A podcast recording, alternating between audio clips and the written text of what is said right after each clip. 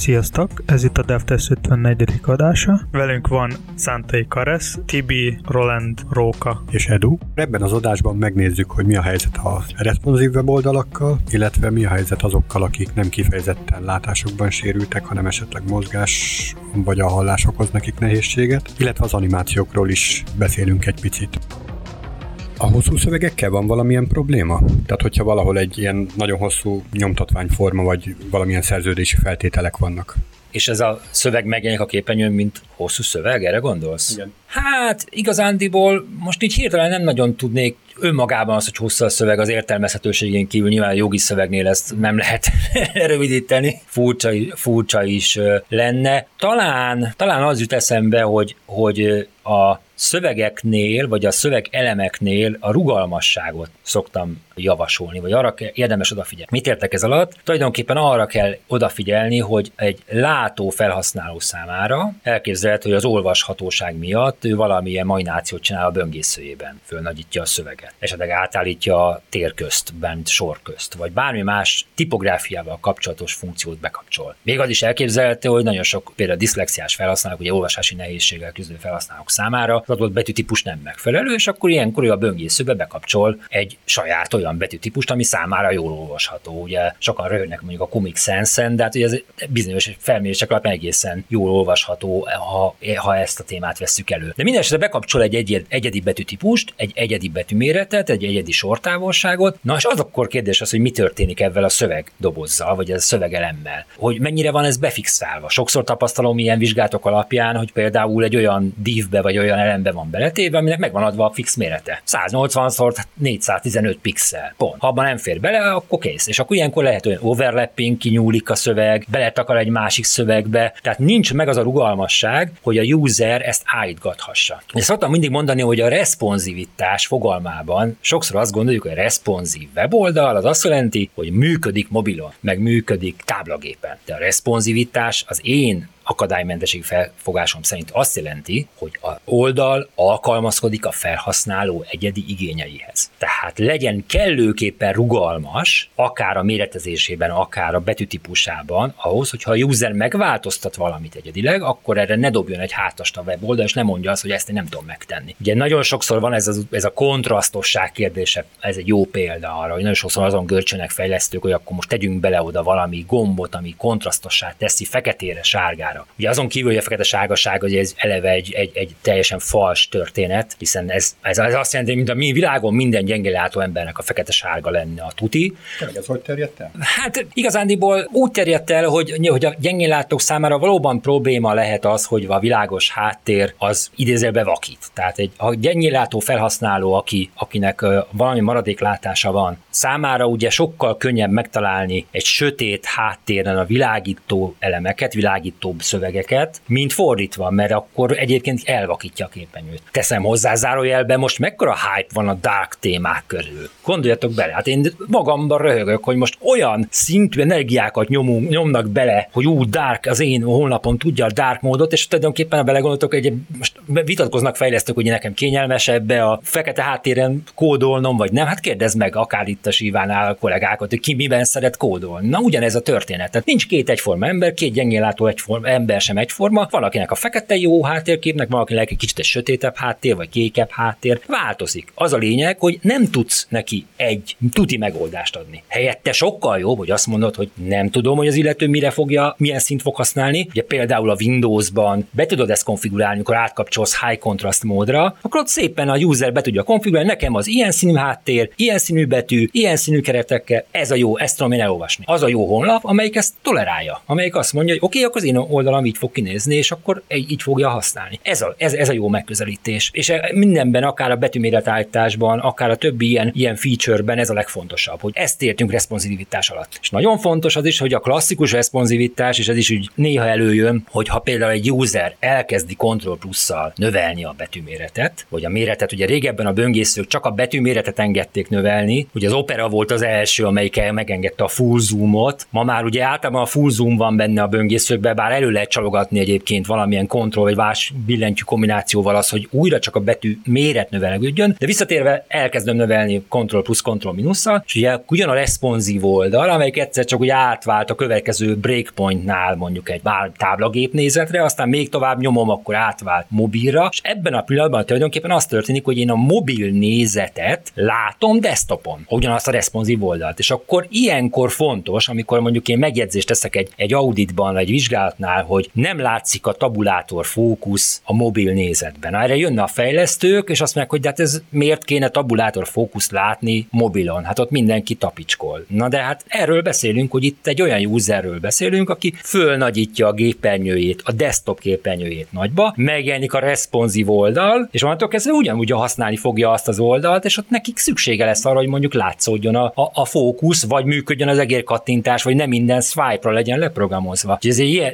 ilyen szempontból biztos, hogy fontos, arról nem is beszélve, hogy vannak olyan mozgássérült felhasználók, de még a látássérültek között is néhányan, akik bizony billentyűzettel, bluetoothos billentyűzettel használják az Android eszközt, vagy az iOS eszközt. És abban a pillanatban ugyanannak a funkcióknak működnie kell, ugyanúgy látnom kell, mikor nyomogatom a tabot, hogy hol van a fókusz. Tehát nem lehet ilyen prekoncepcióból kiindulni, hogy akkor csak is kizárólag a mobil képernyő az a mobil nézetben, egy mobil eszközön fog megjelenni. Tehát szerintem a responsivitás mindenképpen fontos, hogy evel, evel így kalkuláljunk, hogy tudjak hozzá a userhez alkalmazkodni. Ugye egyre több ilyen, bocsánat, egyre több CSS média query van ezzel kapcsolatban, megnézitek, akkor számtalan jön elő, akár így a dark mode kapcsán is, de most már ugye ott tartunk, hogy lassan a környezeti fény tudja detektálni majd az eszköz, meg a high contrast az például nagyon hiányzik, hogy az bevezetődjön. Jelenleg ugye az, hogy a user átkapcsolta high contrast módba, ezt jelenleg ugye egyedül csak az Explorer, Microsoft Explorer és társai tudják. Ugye MS High Contrast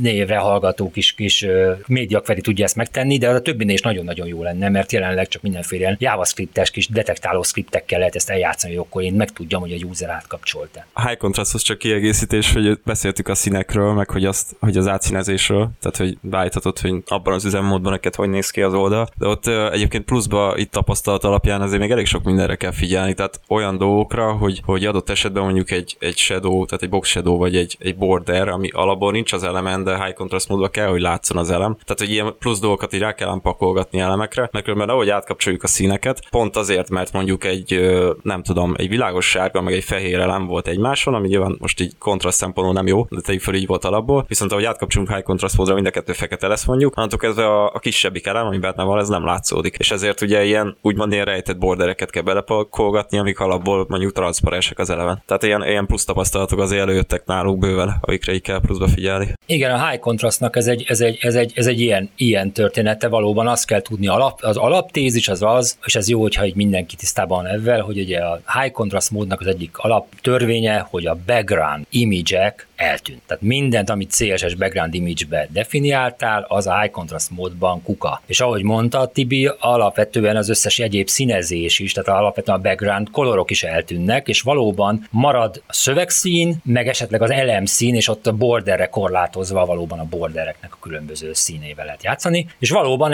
erre, erre úgy föl kell készülni, tehát ez egy tényleg egy olyan folyamat, amit, amit szerintem tényleg nagyon kevesen kezdenek el tervezni, akár UI szinten is, hogy mi, ami van, ha a user átkapcsol. De ezzel kapcsolatban van nektek egy érdekességet, ha múlt héten hallottam, a Twitteren olvastam talán, hivatalos Microsoft forrás, hogy jelenleg a világon futó Windowsos gépeknek 4% a high contrast módban van kapcsolva. Azért az elég nagy, el, elég nagy történet. Úgyhogy erre mindenképpen érdemes figyelni. Ugye annyit csinált most az Explorer, vagy sem régóta működik náluk az, hogy be tudod kapcsolni, hogy kéred-e, hogy a background image-et mégiscsak mutassa. Ugye többiek esetleg úgy levágják egy unblock, de ott, ott egy kapcsoló egy user által ilyen preferenciaként bekapcsolható. De érdemes valóban figyelni arra, hogy ezek az elemek ilyenkor is jól működjenek, és meg legyen a keret, és mindenféle ilyen, ilyen történetet, ebbe valóban bele kell tenni egy kis, kis ilyen szempontból előforrást valóban. És ugye említetted, hogy a fejlesztők általában nem úgy tesztelnek a dolgokat, mármint fejlesztés közben nekünk van valami flow, és mondjuk amit mondtad, hogy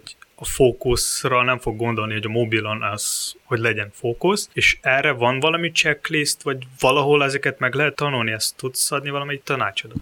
Hát igen, ez egy nagyon érdekes dolog. Ugye sose felejtem el, mikor először szakmai kapcsolatba kerültem veletek, akkor is ugye ez volt rögtön az első kérdés, hogy oké, okay, tudjuk, hogy van ez a VCAG történet, amiben belelapoztunk, két oldal után azt mondtuk, hogy köszönjük, ugye nem tudom, szerintem kinyomtatva nem is tudom hány száz vagy ezer oldal lenne. Tehát ez oké, okay, de legyen egy check, tehát, tehát szűkítsük le ezt egy checklistára, egy A4-es oldalra, ezt minden ügyfelemtől szinte, akivel kapcsolatba kerülök, előjön, hogy akkor ez, ez oké, okay, VCAG van, de csináljunk ebből valamit. Keringenek a neten egyébként ilyen hú, fo, teljesen favágó szintű alap alaptörténetek, hogy ezt nézd meg, ezt nézd meg, ezt csekkolt ki, ezt csekkolt ki, de az a probléma ezeknek, hogy nagyon sok elágazás van. Tehát most csak ha visszatérünk erre az altra, akkor most de mit írsz egy checklistára most akkor? Az, egyszer mondhatod, hogy igen, legyen alt, de nem igaz, mert legyen alt, ha. Ha meg nincs, akkor meg ez legyen, tehát egy ilyen iszonyató folyamatáblákat kéne rajzolgatni talán, amitől ez, ez, ez jobb lehet. A másik, ugye, ha, most a high contrastra visszatérve, nagyon furcsa dolog, képzeljétek el, hogy alapvetően a high contrast módban való működtethetőség nincs benne a szabvány. Tehát amikor arról beszélünk, hogy audit, meg UX, akkor például nekem nem tudom idézelbe megreklamálni, hogy akkor kérem szépen ez azért nem akadálymentes, mert high contrast módban nem működik. De mégis beleteszem egy olyan pontként, olyan megjegyzésként, hogy viszont nagyon sok, embert érint, tehát javaslom megfontolásra, hogy UX szempontból igenis tessék megnézni, hogy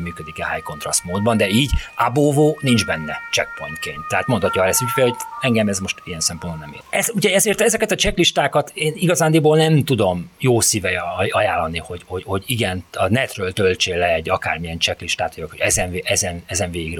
Igazándiból a, a nagyon durva checklistákat ezek, ezek az automatikus rendszerek megcsinálják. Tehát, hogy ha, ha egy, például egy olyan flowban dolgozol, ahol be tudsz húzni egy olyan ellenőrző rendszert, amelyik mondjuk egy ilyen build alatt észrevétlenül a buildben megcsinálja neked, és lefuttatja ezt a 200 valány ilyen történet, check, checklista-szerű algoritmizáltó dolgot, akkor már előbbre vagy, az biztos, de de, nagyon-nagyon nagy lenne azért ez a checklista, hogy akkor, akkor mobilon volt a fókusz, bla, bla, bla, és akkor mindent így egyesével végig kell nézni. Én erre nem nagyon tudnék jó, jó példát mondani. Ha, mikor az ember elszörnyűködik a VCAG-nál, akkor mindig azt mondani, hogy ne a VCAG-ból induljunk ki. Tehát, tehát a VCAG pontok önmagukban, ugye teljesítési feltételek vannak a VCAG-ban, ugye a teljesítési feltétel azt tudjuk, hogy ha az adott oldal, ha a feltétel teljesíti, akkor abban a pontban jó. A VCAG-ban van egy olyan rész, amelyik ilyen, ilyen technikákat. Egyrészt van benne egy olyan rész, ami az, az úgy hív, hogy understanding, ugye, hogy, hogy, hogy értsd meg, hogy ezt miért tettük oda bele, mi, mi, annak, a, mi annak a háttérsztoria, tehát miért lett az egyáltalán kitalálva. De ott vannak technikák, és én azt szoktam a fejlesztőnek javasolni, hogy inkább abban érdemes böngészni. Nagyon szépen le van bontva HTML technikákra, CSS technikákra,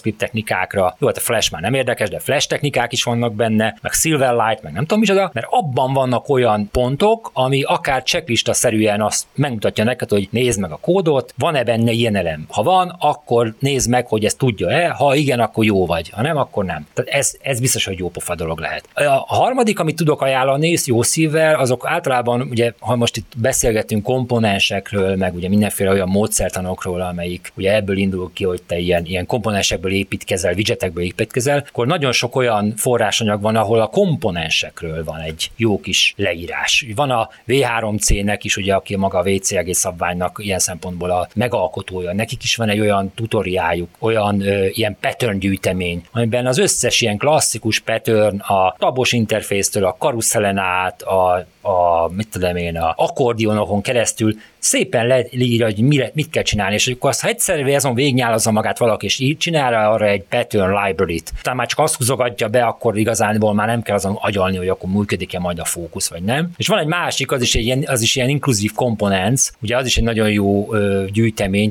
amelyik szintén különböző ilyen patternöket gyűjt össze. Tehát én azt mondom, hogy érdemes azokból forrást meríteni, és nem feltétlenül a VCAG felől kell ezt ilyen szabvány felől megközelíteni, hanem ezekből a patternök irányából. Ugye beszéltünk az előbb a high contrast módból, módról, és ugye, hogy csak Edge-ben meg Explorer-ben érhető el, viszont ugye most már az Edge közelít ahhoz, hogy átáll Chromiumra, és ugye fölröppentek olyan hírek is, hogy például a high contrast módot implementálják Chromiumos böngészőkben is, és szerinted milyen irányba fogja vinni az egész VCAG-t, vagy a webstandardeket ez a Chromium egyedulalom? Hát ez egy érdekes kérdés, mert historikálisan nézve bármilyen furcsa is, de mondjuk a felmérések alapján a vakok körében, és ez akár Magyarországot nézzük, akár világszerte, a vakok körében például nem a Chrome volt az elsőleges böngésző program. Ennek az oka egyszerű volt, a felolvasó szoftverek, képenyolvasó szoftverek egyszerűen nem voltak kompatibilisek Chrome-mal, tehát hiába volt az, hogy az összes analitika azt adta, hogy a Chrome már torony magasan a legismertebb, meg a leghasználtabb böngésző, bizony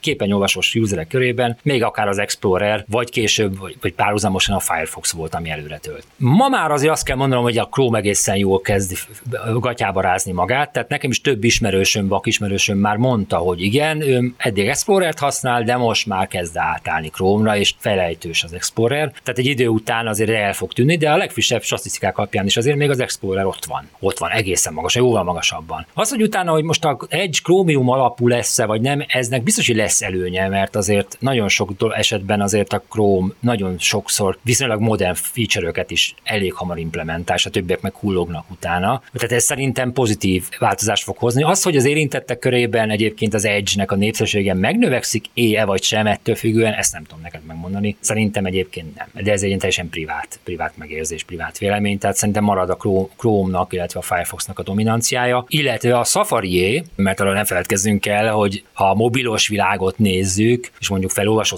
világát nézzük, akkor torony magasan az iOS vezet, hiszen, hiszen az iOS volt, amelyik nulláról az első verzió kiadásakor már marhára akadálymentes volt. Az Android nagyon fullogott utána, jóval, jóval utána, tehát ma a statisztikák alapján sokkal nagyobb a user bázisa ilyen szempontból az iOS-nek. Legalábbis így látásérültek vakok körében biztosan, de például most a mozgásérültek is ugye eléggé előre törnek ilyen tekintetben, hiszen nem tudom, tudjátok hogy pont így az a legújabb iOS-ben, meg a új macOS-ben bejött a hangvezérlés, mint lehetőség, amire ugye nagyon sokszor nem is gondolunk, hiszen sok mozgássérült felhasználó hanggal vezérli a, a, a gépet, vagy a, a, a böngészést és akkor innentől kezdve előjön egy csomó olyan funkció, amire eddig nem is nagyon gondoltunk, pedig, pedig érdemes rá gondolni, hogy mondjuk ott van egy gomb a képernyőn, amin van egy ikon, és akkor meg kell szólítani tulajdonképpen. Szóval neki azt kell mondani, hogy megnyomom a, és akkor milyen gombot? Mit mond ő? Azt, ami rajta van, az az i betűs gombot, vagy, azt a, vagy az X-et? Nagy vita volt erről, hogy például a lezáró egy modálnak a sarkán, az most mi? Az X? Vagy micsoda? Mondja azt, hogy megnyomom az X-et? Vagy, vagy ez most, vagy hogy van? Ugye nagyon furcsa, és ezért a vécságében van is most egy olyan, a vécág egy 2.1-be bekerült egy olyan pont, ami arról szól, hogy ugye ha van egy interaktív elemed, akkor annak, a, ha és azon van egy szöveg, tétezzük, hogy nem egy ikon, hanem egy szöveg, mondjuk, hogy rendben, akkor ugye mindenképpen annak a gomnak az akadálymentes neve, ami az akadálymentes neve vagy az a gomnak a fegyata, vagy hogyha eljön, elővesztük az Aria label és társait, akkor ugye elképzelhető, hogy te mondjuk látsz egy gombot, aminek az a neve ki van írva, hogy mehet, de a gomnak az Aria labelébe meg az van, hogy start. Egy nagyon durva példát mondok. Akkor ugye a, ez a látó user azt fogja mondani, hogy megnyomom, gomb mehet, és nem történik semmi, mert a gombnak az akadálymentes neve az, hogy start. Ugye ezért ez a vécegész szabvány, ez benne is van, hogy mindenképpen legyen az akadálymentes névben is benne az a szöveg, amit lát a user mert az úgy fogja megszólítani az adott gombot. Ugye ez, ez létezett egyébként ez a technológia már régebben is, tehát voltak ilyen third party megoldások, de elve, hogy most a macOS, iOS behozta ezt így a tudatba, ez nagyon klassz. Jó, persze hozzáteszem, létezik olyan, hogyha nem tudja már megszólítani, vagy több egyforma gomb van, akkor az, ez, a, ez a rendszer, ez a, ez a voice control rendszer megszámozza a gombokat. Tehát oda tesz minden egyes elemre egy számot, és akkor az illetve már azt kell csak mondani, hogy megnyomom a gombot, és akkor az ötöst. Persze előjön megint az a kérdés, amit ugye mindig elmondok, hogy nem elég, ha valami annak látszik, annak, annak is kell lennie. Tehát lehet, hogy a dizájnban, a látványban az egy gomb, szegény user azt mondja, hogy megnyom azt a gombot, és kiderül, hogy ez nem egy gomb, az egy div, egy valami onklikkel ellátott div, és akkor ő hiába magyarázza, akkor ez akármilyen hiper-szuper heurisztika van, nem fogja azt gombként érzékelni, nem fogja tudni a user megnyomni azt a gombot az ilyen típusú felhasználóknál, akik hangvezéléssel próbálnak böngészni, az nagyon elborult ötlet lenne, vagy igazából nem tudom, hogy hogy működnek az ilyen szoftverek, de hogy ott akár nem működhetne az, mint a, a normál felhasználás esetében a tabozás. Tehát azt mondod, hogy, tehát mondjuk ezt mondanám, hogy tab, tab, tab, és akkor úgy lépkedek interaktív elemeken, és ha most odaérek valahova, látom, hogy hol a fókusz, és azt mondom, hogy klik. Most, tehát, tehát, lehet, lehet, lehet, nézd, az, az, az, a, az a nagy helyzet, hogy mivel ezek a rendszerek, és az őszintén bevallom, nekem is viszonylag viszonylag kevésebben a tapasztalatom. E, egy, egy marha egyszerű okból fogva, mert nem voltak ilyen rendszerek elérhetőek mondjuk magyar nyelvre. Tehát ez jellemzően azért angol nyelvterületeken működők, működőképes ez a dolog, de persze létezik ilyen, hisz, és most is van ilyen, ez ugye az úgynevezett switch control, hiszen vannak olyan userek, szintén mozgássérült userekről beszélünk, akik ugye úgy használják a számítógépet, nem a tabot nyomkodják, hanem egy darab gombot. Az az egy darab gomb lehet, hogy a lábuknál van, lehet, hogy a hónaljuk alatt van beszorítva, lehet, hogy a fejükön van, vagy fejük mellett van a kerekesszéknek a hátán, vagy gondoltok Stephen Hawkingra, vagy bármi, és akkor ebben az esetben ő egy diszkrét, megnyomom, megnyomom, megnyomom, megnyomom. Nem tudja megmondani, hogy tabot nyomok, vagy space-t, nyomok valamit, és akkor ezek az úgynevezett, ezek a kontrollok ugye úgy néznek ki, hogy megmutatják neked az opciókat, hogy végig megy ilyen szekvenciális, és amikor fölvillan az az elem, na akkor nyomok még egyet ezen a gombon, és akkor az működőképes lesz. Ez be van építve nagyon klasszul a macOS-be, Androidba, iOS-be, ez már viszonylag régóta működő történet. Nagyon nehéz vele moldog, úgy hát nehéz, minden relatív. Az, az illetőknek ez az életet hozza el. Nekünk épeknek, akik nem ilyet, így használjuk, ezt nyilvánvalóan nehéznek tűnik, de inkább legyen nehéz, mint a semmilyen, és akkor ebből kell kinulni. De lehet. Amit az Apple mutatta a saját prezentáción, ez a voice control úgy néz ki, hogy a minden interaktív elem mellé megjelenik egy ilyen kis labelke, és akkor felhasználod tud elmondani, hogy most nekem ez a label alapján most nyomja ezt a gombot, vagy valami más. És elég érdekes megoldás volt a térképnél, legalábbis itt, amit a képen én találtam, hogy a, a térképnél megjelenik egy ilyen feltérképezett... Egy grid. Egy grid, igen. És akkor így ez alapján lehet mondhatni, hogy ez a cellánál most szeretik, vagy nagyítani, vagy valami. Bizony, ez bizony. Koordinátorrendszer alapján. Hát, a, nem. hát a, igen, igen. Belegondoltok, akkor tulajdonképpen egy, egy mozgássérült felhasználó számára a térkép az egy eléggé durva dolog, hiszen azért az nem lehet föltabozni, vagy nagyon furcsa lenne az föltaboznánk. Ez mindig előjön, hogy a Google térkép akadálymentese vagy nem. De ugye mit tudod csinálni, plusz-minuszra tudja nagyítani, kicsinyíteni, de már eltologatni a képernyőt, hát vagy a magát a térképet, ez nem egy egyszerű dolog, de ez a megoldás valóban olyan esetekben, amikor nem lehet más bevetni, akkor rávet itt egy ilyen gridet, és akkor az alapján tudja használni. Egyébként a Switch Controlban is van egy ilyen funkció, ezt is kevesen tudják, hogy ez is tök jól működik. Ott meg ugye azt történik, hogy ott is lehet, hogy te mondjuk a kurzort, az egér kurzort át akarod vinni az A pontból a B pontba a képernyőn, és akkor azt történik, hogy fogom magam, megnyomom ezt a gombot, ezt a switchet, tétezzük fel mondjuk ez a fejem mögött, a fejem mögött van, tehát rá nyomom a fejemet, és akkor tulajdonképpen elindul a képernyőn egy ilyen, szintén egy ilyen csík, vagy egy sáv, szépen balról jobbra lassan mozog, és amikor elérkezik az a sáv arra a területre, ahova én át akarom tenni a kurzort, akkor megint megnyomom a gombot. Akkor az befixálja, hogy na akkor oké, okay, visszintes koordináta megvan. Elindít egy függőleges sávot, az lesz a függőleges koordináta,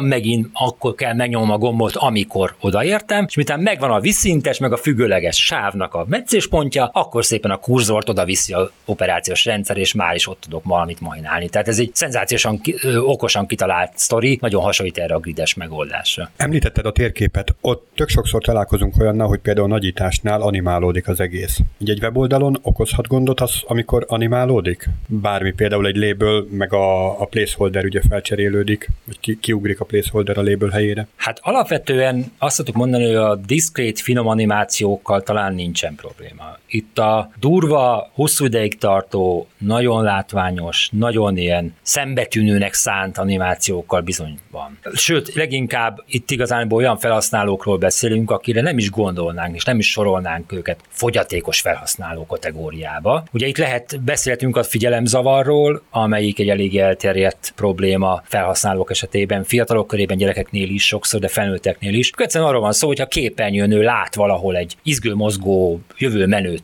elemet, akkor egyszerűen képtelen a figyelmét arra összpontosítani, amire ő szeretné. Mindig el fog menni a figyelme abba az elem irányába. Tehát magyarul vagy azt kell csinálni, hogy le kell kapcsolni azokat az elemeket, amit ugye megint a böngészőben elvileg meg tud tenni, ha nagyon akarja, vagy pedig, és ez a legfontosabb, ezeket az elemeket leállíthatóvá kell tenni. Lást karusszel, lást híróképek. Ja, úgy szól a szabvány, és az a védszágében le van specifikálva, ez egy igen fekete-fehér kérdés, hogyha van-e a képernyőn egy ilyen nagy animáció, egy nagy karusszel, vagy egy nagy híró videó mondjuk a háttérben, akkor igenis ott kell lenni egy olyan mechanizmusnak, legegyszerűbb esetben egy gombnak, egy play pause gombnak a képernyőn, az interfészen, amit megnyomhat a user, és leállíthatja ezt a mozgást, hogy kényelmesen el tudja olvasni a maradék szöveget. De van olyan felhasználó is, ahol, és erről a legutolsó Budapest Accessibility Meetupon volt is egy előadásom a YouTube-on, ezt visszanézhető, ugye ebben van egy olyan, le, van egy olyan probléma, amikor az illetőknek tulajdonképpen az egyensúly rendszerben, a vestibulális rendszerükben van egy olyan elváltozás, amit ugye úgy tudunk hogy mozgási betegség, ahol bizony nagyon durva és bizonyos klasszikus mozgásokra az illető egyszer rosszul lesz. Tehát elkezd émelyegni, elkezd fájni a feje, és egyszerűen nem bírja hosszú ideig nézni. Ez a klasszikusan a paralax oldalakat szoktuk említeni erre, mikor, mikor ugye a képernyőn egy olyan típusú mozgás ami a mozgást imitálja, bizony ez is lehet probléma, és itt is visszakanyarodunk arra a responsivitás, hogy ma már van arra lehetőség, hogy egy user a macOS-ben, a Windows-ban becsekkolja azt, hogy én nem szeretnék ilyen típusú mozgásokat csinálni, vagy látni, és akkor erre a frontendes egy media query-vel azt tudja mondani, hogy jó, egyébként van egy animáció kint a képernyőn, de ha be van ez csekkolva, akkor ezt nem használom, vagy ezt leállítom, vagy eltüntettem, vagy bármi. De mondom, a finom animációkkal nincsen probléma. Tehát ne, ne, ne, ne gondoljuk azt, hogy sokszor ugye megkezdem, hogy akadálymentes weboldal az unalmas. Az mindenképpen csúnya lesz, annak feketének kell lenni, nem lehet animációban, nem lehet kép, meg tehát jön mindenféle dolog, és ez nem igaz. Tehát egyszerűen lehet trendy, class design csinálni, csak oda kell ezekre a finom, finomságokra figyelni, hogy mi van akkor, hogyha usernek ez mégsem annyira működőképes. Még animációkhoz tartozó téma, hogy régebben honlap fejlesztéskor volt egy olyan esetünk, hogy, hogy össze lehetett gyakorlatilag konfigurálni egy csomagot, amiben be tudtál tenni megfelelő funkciókat, és amikor te egy újabb funkciót tettél bele abba a csomagba, akkor a, a UI-on egy adott elemnél ugye kiírtuk, hogy na most hány elem van benne a csomagba, és ahogy bekerült egy újabb elem, a, a szám egyrészt változott, másrészt így a, a szám körül a, a, egy ilyen színes kör alakú valami, így elkezdett így hát pulzálni, vagy nem tudom, hogy hogy hívjuk, hogy ez például zavaró lehet ilyen szempontból? Igazándiból a, ami klasszikus akadálymentességi hát nem zavaróság, hanem hiba lehet, az a, az a villogás bizonyos frekvencia fölött, és ott is jellemzően a piros szín, ami előjön, és az is nyilvánvalóan attól függ, hogy mekkora területét érinti a képernyőnek. Itt ugye arra gondoljatok, hogy hány olyan ember van, aki mondjuk fiatalok, tizenvalány évesen életében össze elmegy koncertre, és az pulzáló fényről. Minden koncertennek mentős kollégák szokták nekem mesélni, több kapcsolatom is van mentős, mentősökkel, ők mesélni, hogy rendszeresen ki kell emelni ugye a tömegből a gyerekeket, mert életükben akkor találkoznak első stroboszkóppal, és nem is tudták arról, hogy ők érzékenyek erre, hogy a villogástól egyszerűen egy epilepsia-szerű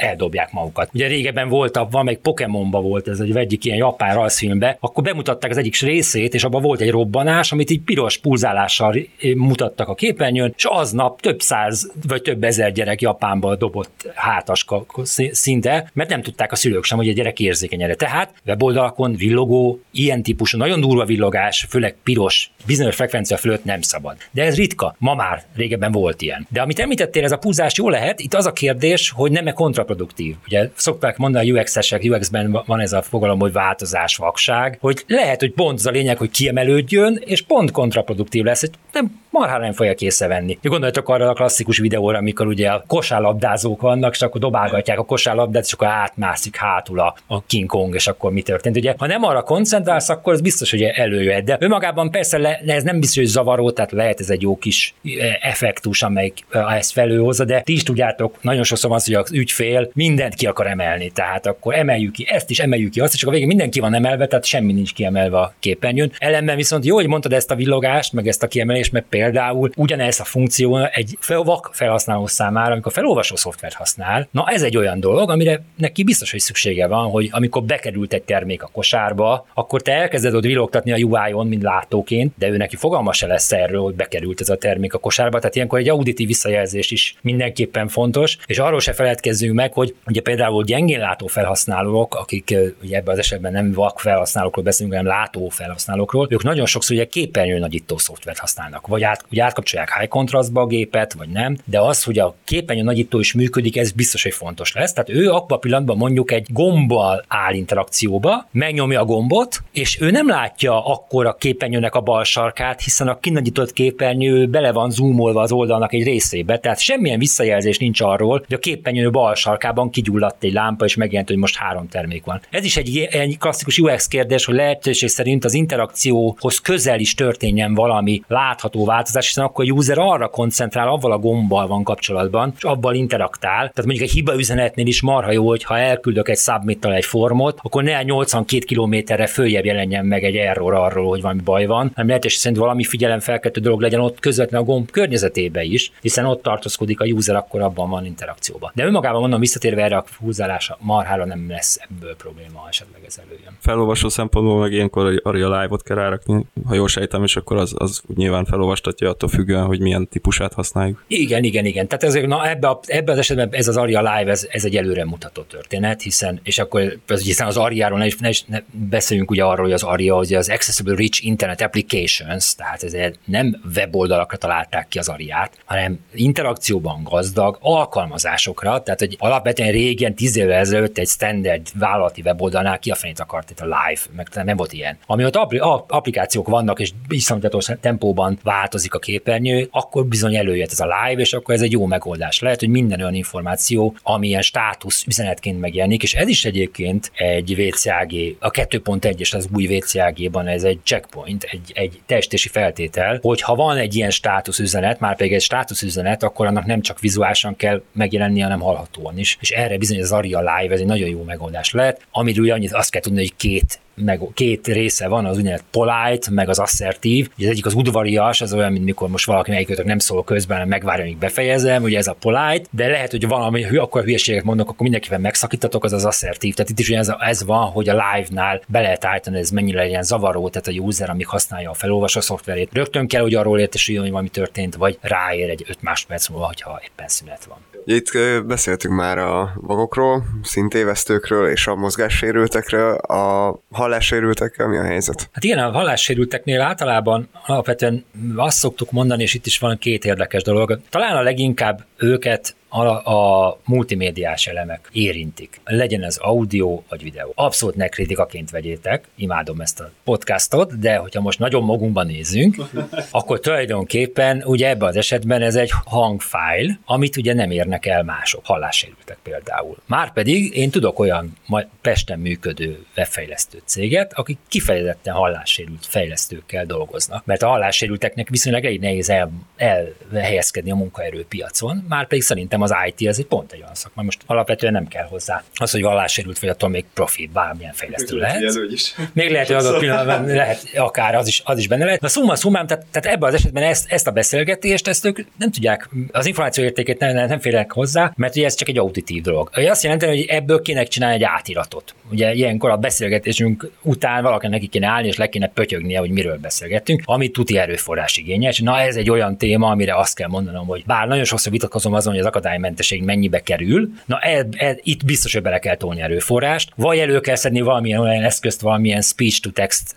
eszközt, ami, amivel ez megoldható, de akadálymentes akkor lesz a podcast, hogyha elérhető hozzá egy szöveges átirat. Ugye ez biztos, hogy így van. A másik ugye a videók kérdésköre, ahol meg ugye lát az illető egy videót, de fogalma sincs, hogy mi történik a videóban, hangban. Lehet, hogy egy olyan videóról beszélünk, amin semmi, semmi szöveg nincsen, csak egy szép tájakat mutogatnak, hogy gyere ide kirándulni, akkor is az az információ, hogy nincs alatta a hang, nincs alatta a szöveg, az egy fontos lehet, tehát a feliratozás, mint olyan. Ugye a feliratozásnál sokan arra gondolnak, hogy ugyanaz a feliratozás, amikor én beülök a moziba egy japán filmre, és feliratozzák nekem magyarul, de itt messze nem erről beszélünk, hiszen itt nem az az akadály, bár megjegyzem zárójelbe, az is akadály, hogy nem tudok japánul. Tehát egy websájton, mikor nyelvválasztás van, az is akadálymentesség, hozzáférhetőség, mert nem értem azt a nyelvet, zárójelbe zárva. De hogyha a feliratozást nézem, akkor én alapvetően hallom, hogy hajime hajime megötörjöngés van. Tehát nekem azt nem kell az, hogy valaképpen hörög, mert, mert azt én hallom. De egy hallássérült számára bizony fontos, hogy az összes olyan információ azon kívül, hogy mi, besz, miről beszélnek a szereplők, ki legyen írva, hogy most hörgés van, kutyaugatás van, szirénázás van, bármi, vagy csönd van, vagy zene van, vagy léptek hallatszódnak. Tehát a feliratozásnál megkülönböztetünk bizony klasszikusan olyan feliratozást, amelyik azért van, mert nem ismerem azt a nyelvet, a másik pedig, amit a hallássérültek számára DVD-ken, Netflixen, ha megnéztek, ez két külön opcióként is rendelkezésre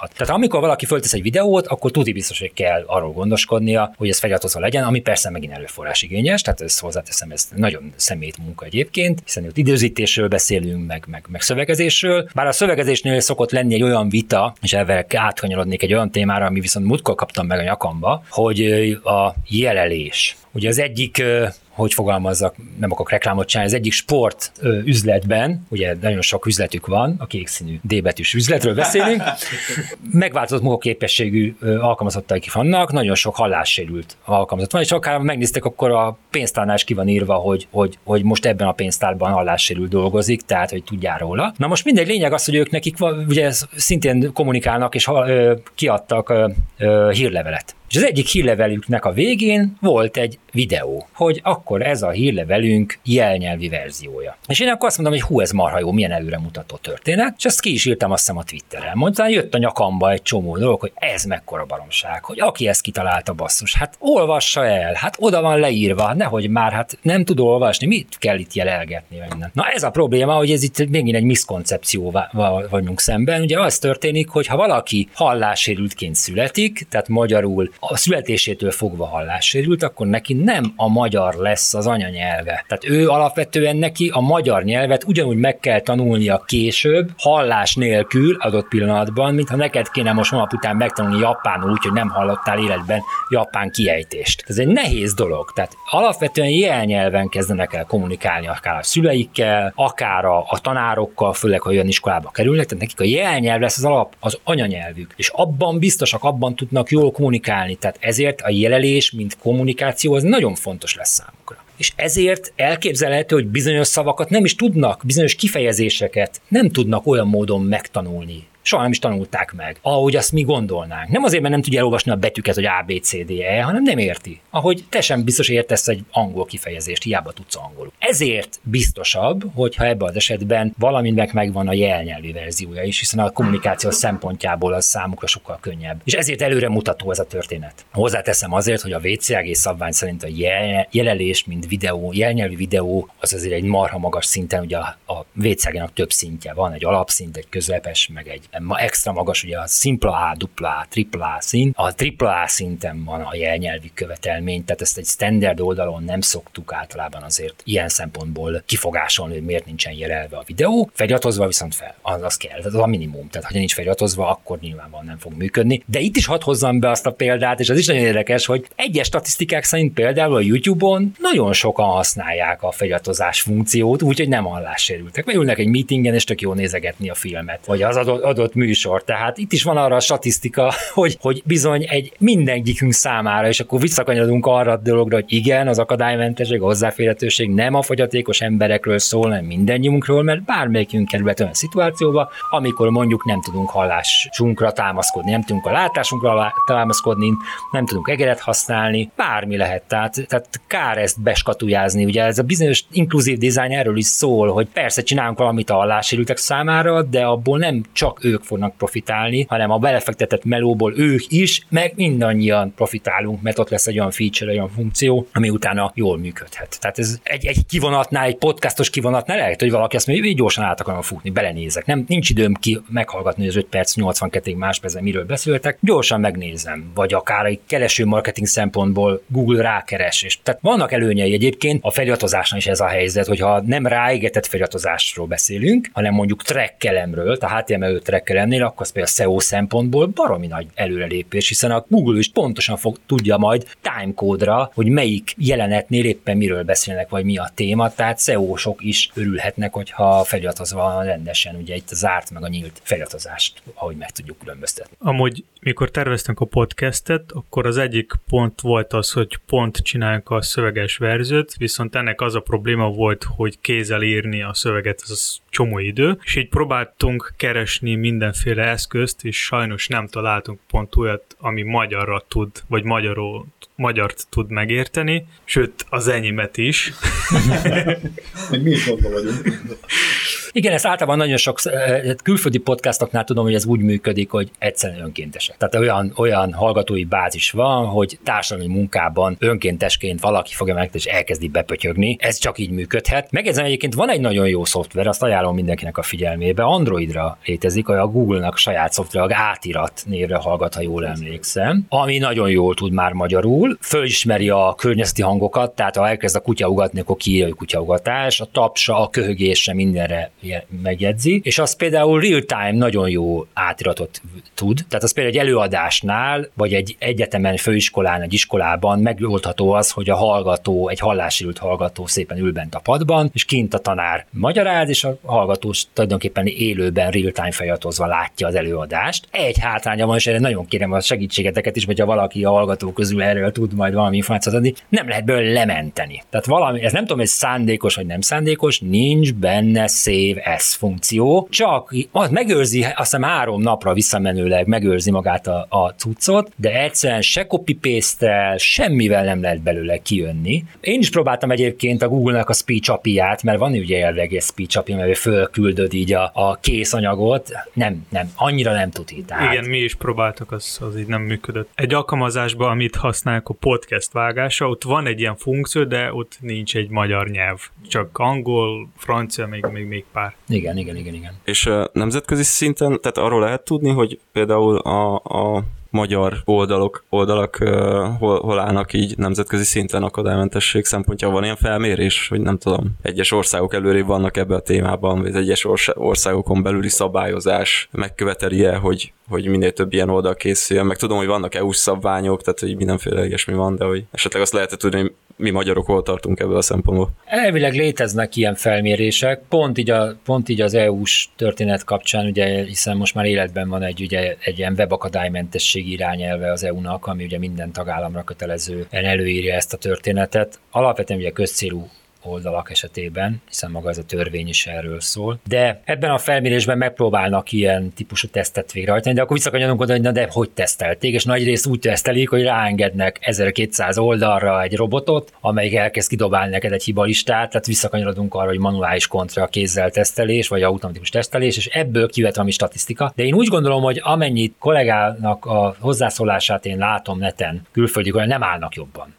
Tehát uh, itt most azt kell mondanom, hogy nem, ne, nem, nem arról van szó, hogy mi most ebben elmaradottak lennénk. Szerintem semmivel nem állunk áll rosszabbul vagy jobban. Uh, hagyományosan egyébként a skandináv országok nagyon tolják ezt a témát, tehát ott azért elég viszonylag jó előre állnak. Például a napokban jelentették be, hogy Norvégiában hogy aki nem EU-s tagállam, mégis átvette az EU-s direktívát, és mégis kiterjesztette a privát szektorra is ezt a törvényt. Ugye nálunk ez nem érvényes, ez a, ez a konkrét törvény a privát szférára, csak a közcélú oldalakra, de norvégok kiterjesztették. Angliában szintén eléggé jól állnak ebben a témában. Hát Amerikában meg ugye jól tudjuk, ott pedig aztán a jó kis jogi procedúra. Most éppen van egy pizzázó láncot perelte be egy, egy ügyfél, és nyakába engedett egy jó kis pert, meg aztán van még valamelyik, nem tudom, hirtelen Beyoncé, vagy valamelyik, aztán Beyoncé honlapját is valaki ilyen szempont. Ott Amerikában az ügyvédek utaznak inkább erre a történetre, tehát ott van egy ilyen bitófa jellege a történet, nálunk talán ez még nincsen, bár volt már erre precedens, tehát a egyik leghíresebb ilyen precedens, hogy ez klasszikusan egy egyik telekom szolgáltatásnál jött elő, ahol ugye végül ez, ez, ez problémát jelentett privát szférába is. Mert azért hozzáteszem, vannak azért olyan törvények, ami alapján egy átlagos privát szektor honlapjának is akadálymentesnek kell lenni, ha mondjuk neki van egy ügyfélszolgálata, vagy ügy, ügyfelei vannak. Ez, ki, ez különböző törvényekből levezethető. Az a törvény, ami most életbe lépett, ugye ezt is talán fontos tudni, ez szeptember 20-ától él.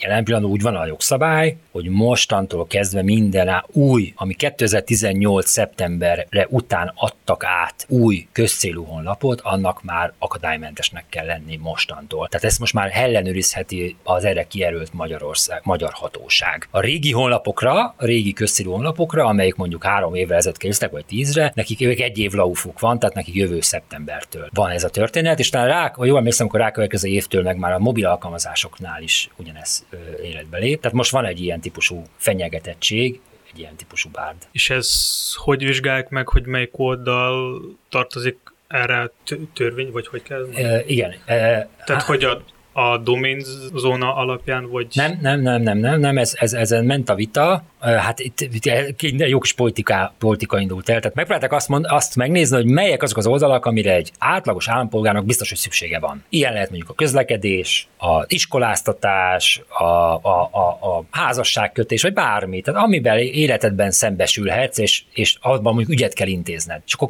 próbáltak egy ilyen kört kialakítani EU szinten. Aztán elindult egy lobby tevékenység, és szépen ezekből lefaragtáltak, és a végén maradt egy olyan, aminek az lett neve, hogy közférabeli szervezet. És a közférabeli szervezetnél a magyar jogszabályban nem volt egy korábban ilyen titulus, és azt mondták, hogy az számít közférabeli szervezetnek, aki közbeszerzése kötelezett. Ez egy ilyen jogi csúcsavarás. Tehát mindenki olyan szervezet, akinél ez, ez fönnáll, hogy a közbe, közbeszerzése kötelezett. Tehát ez alapján történik, tehát itt igazándiból nem a ellenőrzéskor derül, hogy milyen domén, vagy mit kell vizsgálni, hanem az adott szervezetnek kell tudnia, hogy én ebbe beletartozom, nekem ebbe van-e tendőm, vagy nincsen. És egyébként érdekes módon ez a törvény előír egy nyilatkozatot is, adott szervezetnek nyilatkozni kell arról, és ezt ki kell tenni a honlapjára, úgy, mint a GDPR, meg a ugye adatvédelmi nyilatkozat, nyilatkozni kell arról, hogy az én honlapom ekkor és ekkor, és akkor visszakanyarunk el a témához, megfelelt a VCAG ilyen is dolognak, amit lehet két módon csinálni. Én, mint cég azt mondom, vagy én, mint szemet, hogy szerintem jó, meg a fejlesztők azt mondták, hogy jó, vagy azt lehet mondani, hogy egy harmadik fél mondta rá, hogy jó, nem tesz különbséget egyébként a törvény, tök mindenki mondja rá, és akkor jön az a visszacsatolás, amire a TBM mondta, hogy ugyanúgy meg kell jelölni egy kontaktot, hogyha mégis találsz rajta hibát, akkor hogy hova, hova forduljál. Tehát szerintem azért a törvényt nem szabad törvény felől közelíteni, nem ez a józan paraszt szerint, hogy működjön, és ha valami baj van, akkor próbáljunk rajta javítani. Tehát nem ilyen akkor most megbüntetlek 8 millióra, mert csúnya voltál. Amerikában ez megy, nálunk talán még nem. Kicsit más téma, de persze akadálymentesség, hogy létezik olyan, hogy túl akadálymentesítjük az oldalunkat? Létezik. létezik, ez, ez, létezik ez, ez, ez még igazán, igazándiból a, a jobbik kategóriának ö, vitélem meg én legalábbis. Ennek a hátterében általában saját tapasztalatom az, hogy jó szándék és információ hiány áll. De szerintem még talán, ha megkérdeznénk még az érintetteket, ők is azt mondanák, hogy, hogy, hogy ez legyen a legkisebb probléma. Mondok egy, egy nagyon egyszerű dolgot. Ja, nagyon sok esetben például nem tudják a fejlesztők azt, vagy ne, valahogy nem olvastak annak utána, hogy mondjuk egy adott elemnél az elemnek a szerepe, hogy az micsoda, az implikálja azt, hogy vele mit kell csinálni. Tehát ha van egy gomb, egy button elem egy honlapon, akkor nem kell oda szájba rágni, hogy nyomd meg, mert a vakember nem hülye, tudni fogja, hogy a gombbal általában nyomást kell végrehajtani, mint interakció. Tehát az túl akadálymentesítésnél az egyik, hogy ilyen szájbarágósan kezdjük mondani, hogy tehát nagyon törődni akarunk velük, nagyon törődni akarunk avval, hogy ez jó legyen, és akkor ilyen nagyon hosszú ilyen help szöveget kezdünk el megfogalmazni, ami tök egyszerűnek tűnik. Ráadásul, ha valaki már hallott egy vakfelhasználót felolvasó szoftvert használni, hát ez ilyen iszonytató tempóba hadar ugye maga a felolvasó szoftver, és ugye ebben az esetben beszélhetünk egy olyan dologról, hogy túlterhelés, tehát hogy mennyi információ zúdítasz a nyakára a felhasználónak, és ez megint UX kérdés néha, hogy egyszerű tőmondatok mondatok, vagy egyszerű funkcióknál ez tökre jól működik, de nem kell elmagyarázni, hogy nyisd le, nyom meg. Persze vannak olyan helpek, amiket muszáj beletenned, mert másképpen nem fog működni, de az túl akadálymentesítésnek az egyik megoldás. A másik, az meg akkor szokott lenni, mikor az alt attribútumról beszélünk. Ott, ott, ott is szoktam látni néha auditok során ilyen nagyon túlmagyarázó dolgokat, ahol persze nyilván van megint nincs azért e, fekete-fehér igen nem, hogy mi legyen egy altban, mert az, ahogy beszéltünk róla, ez azért egy, ez egy fontos dolog, hogy ezt megkülönböztessük, de azért túl sem érdemes érdemes magyarázni, mert lehet, hogy ezen a képen van egy olyan információ, amit rohadtul senkit nem érdekel. Vagy nekem volt olyan, amikor egy, egy, egy vak ismerősöm mondta, hogy hát ugye nagyon sok vakember számára mondjuk a színek irrelevánsak. Tehát hiába hangsúlyozott az altban, hogy milyen szép piros rózsa van a képernyőn, nem feltétlenül fogja tudni ezt, hogy ez a piros. De aztán valakinek meg ez fontos, hogy valamiért megkülönböztet. Tehát nehéz, nehéz. Itt egy olyan, olyan mesdjén vagyunk, a, ami, ami már nem ennyire egyöktás, de oda ott szoktam látni beírva olyat, hogy, hogy nem tudom, milyen, milyen, milyen, milyen design fotó kettős pont. És akkor, tehát, hogy valahol tudta azt, hogy ez nem egy fontos dolog, de beleírta az altba, hogy design fotó, hogy tudja az illető. Tehát ez, ez, ez szokott lenni egy túl akadálymentesítés gyanánt. Egyébként ez lehet, hogy fejlesztő oldali jó szándék akar sokszor lenni. Persze, tehát csak, a kalappal csak előtt. kicsit túltolja Tehát én mindig ember. azt mondom, hogy ez, ez még mindig jobb, és mindig legalább az van, hogy az ember látja, hogy igen, az ott van, hogy akkor ez, tehát,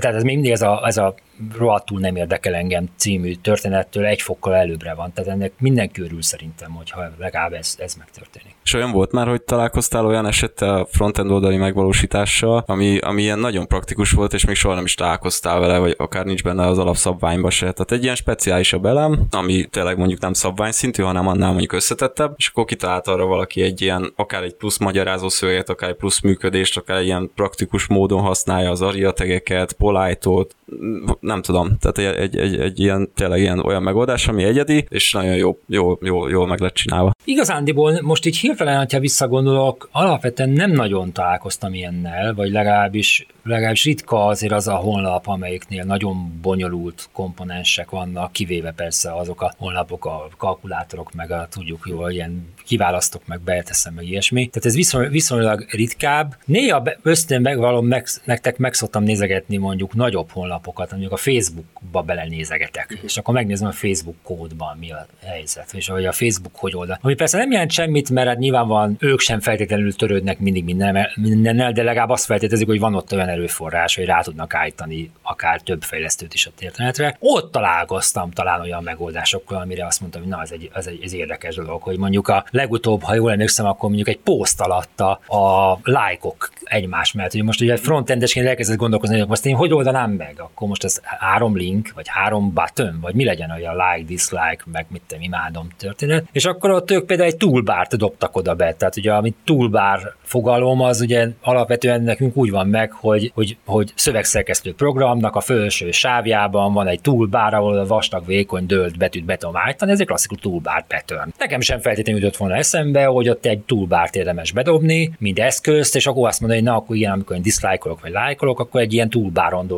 gondolkozom. Ugye a toolbarnak az, mint kell tudni, az az marad egyik nagyon nagy előnye, hogy ugye nem kell végigzakatolni az összes gombon. Tehát, hogy az illető belép ebbe a toolbarba, akkor valamilyen módon nem emlékszem, mi volt, hogy mit hall, hogy, hogy, ez, hogy ez a reakció, vagy valami ilyesmi. És neki nem, ha nem, akkor nem kell véglépkednie mind az öt tetszik, nem tetszik, dislike, meg mit nem utálom, hanem azt mondja, belementem ebbe, nem érdekel, tovább lépek. Ugye a pattern úgy néz ki, hogy tabbal belelépsz, és a következő tab már kivisz abból az elemből, és a, az öt gomb között ugye a kurzor jobbra, kurzor balrával tudsz mozogni. Az a toolbarnak a specifikussága. Tehát ez például nekem egy, egy ilyen izgalmas volt, és most is van egy olyan projekt, amiben így, így részt veszek, ahol szintén nagyon heavy ilyen gombok, meg ilyesmik vannak a képernyőn, tehát szinte az egész ez, és ott ezen jár az agyunk, hogy iszonytató mennyiségű tabuláció kell ahhoz, hogy eljusson az ember A pontból B pontba, és próbáljuk redukálni ennek a tabulátor stoppoknak a számát, és ott is például előjött ez, hogy akkor esetleg vessük be ezt a toolbar történetet, mert amit ne, nem feltétlenül jutott volna eszünkbe. Mert mondom, a toolbar az inkább ez a, ez a pattern. Tehát az Ariában, és avval sokat találkozom egyébként, hogy a fejlesztők ugye fölcsapják az Ariát, vagy az Aria patternöket, és kinéznek ott valamilyen szimpatikus dolgot, de nem gondolnak bele, hogy az nem feltétlenül működőképes egy standard weboldalon, hanem az egy alkalmazásban. Ha egy példát, ha megengedtek, ugye a navigáció, mint minta, ezen rendszeresen megy a vita, szakmai vita, és a tanács tőlem is kérdezik sokan, hogy az Ariában van egy menü pattern,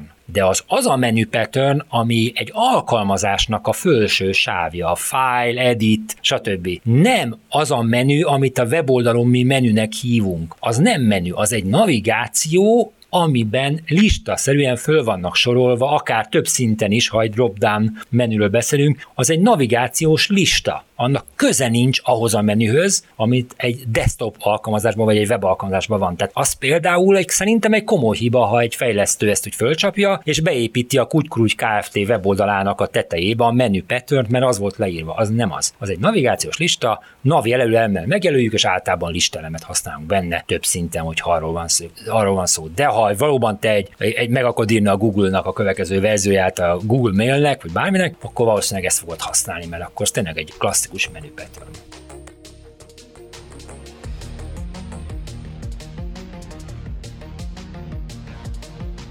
Ennyi fért bele ebben adásban.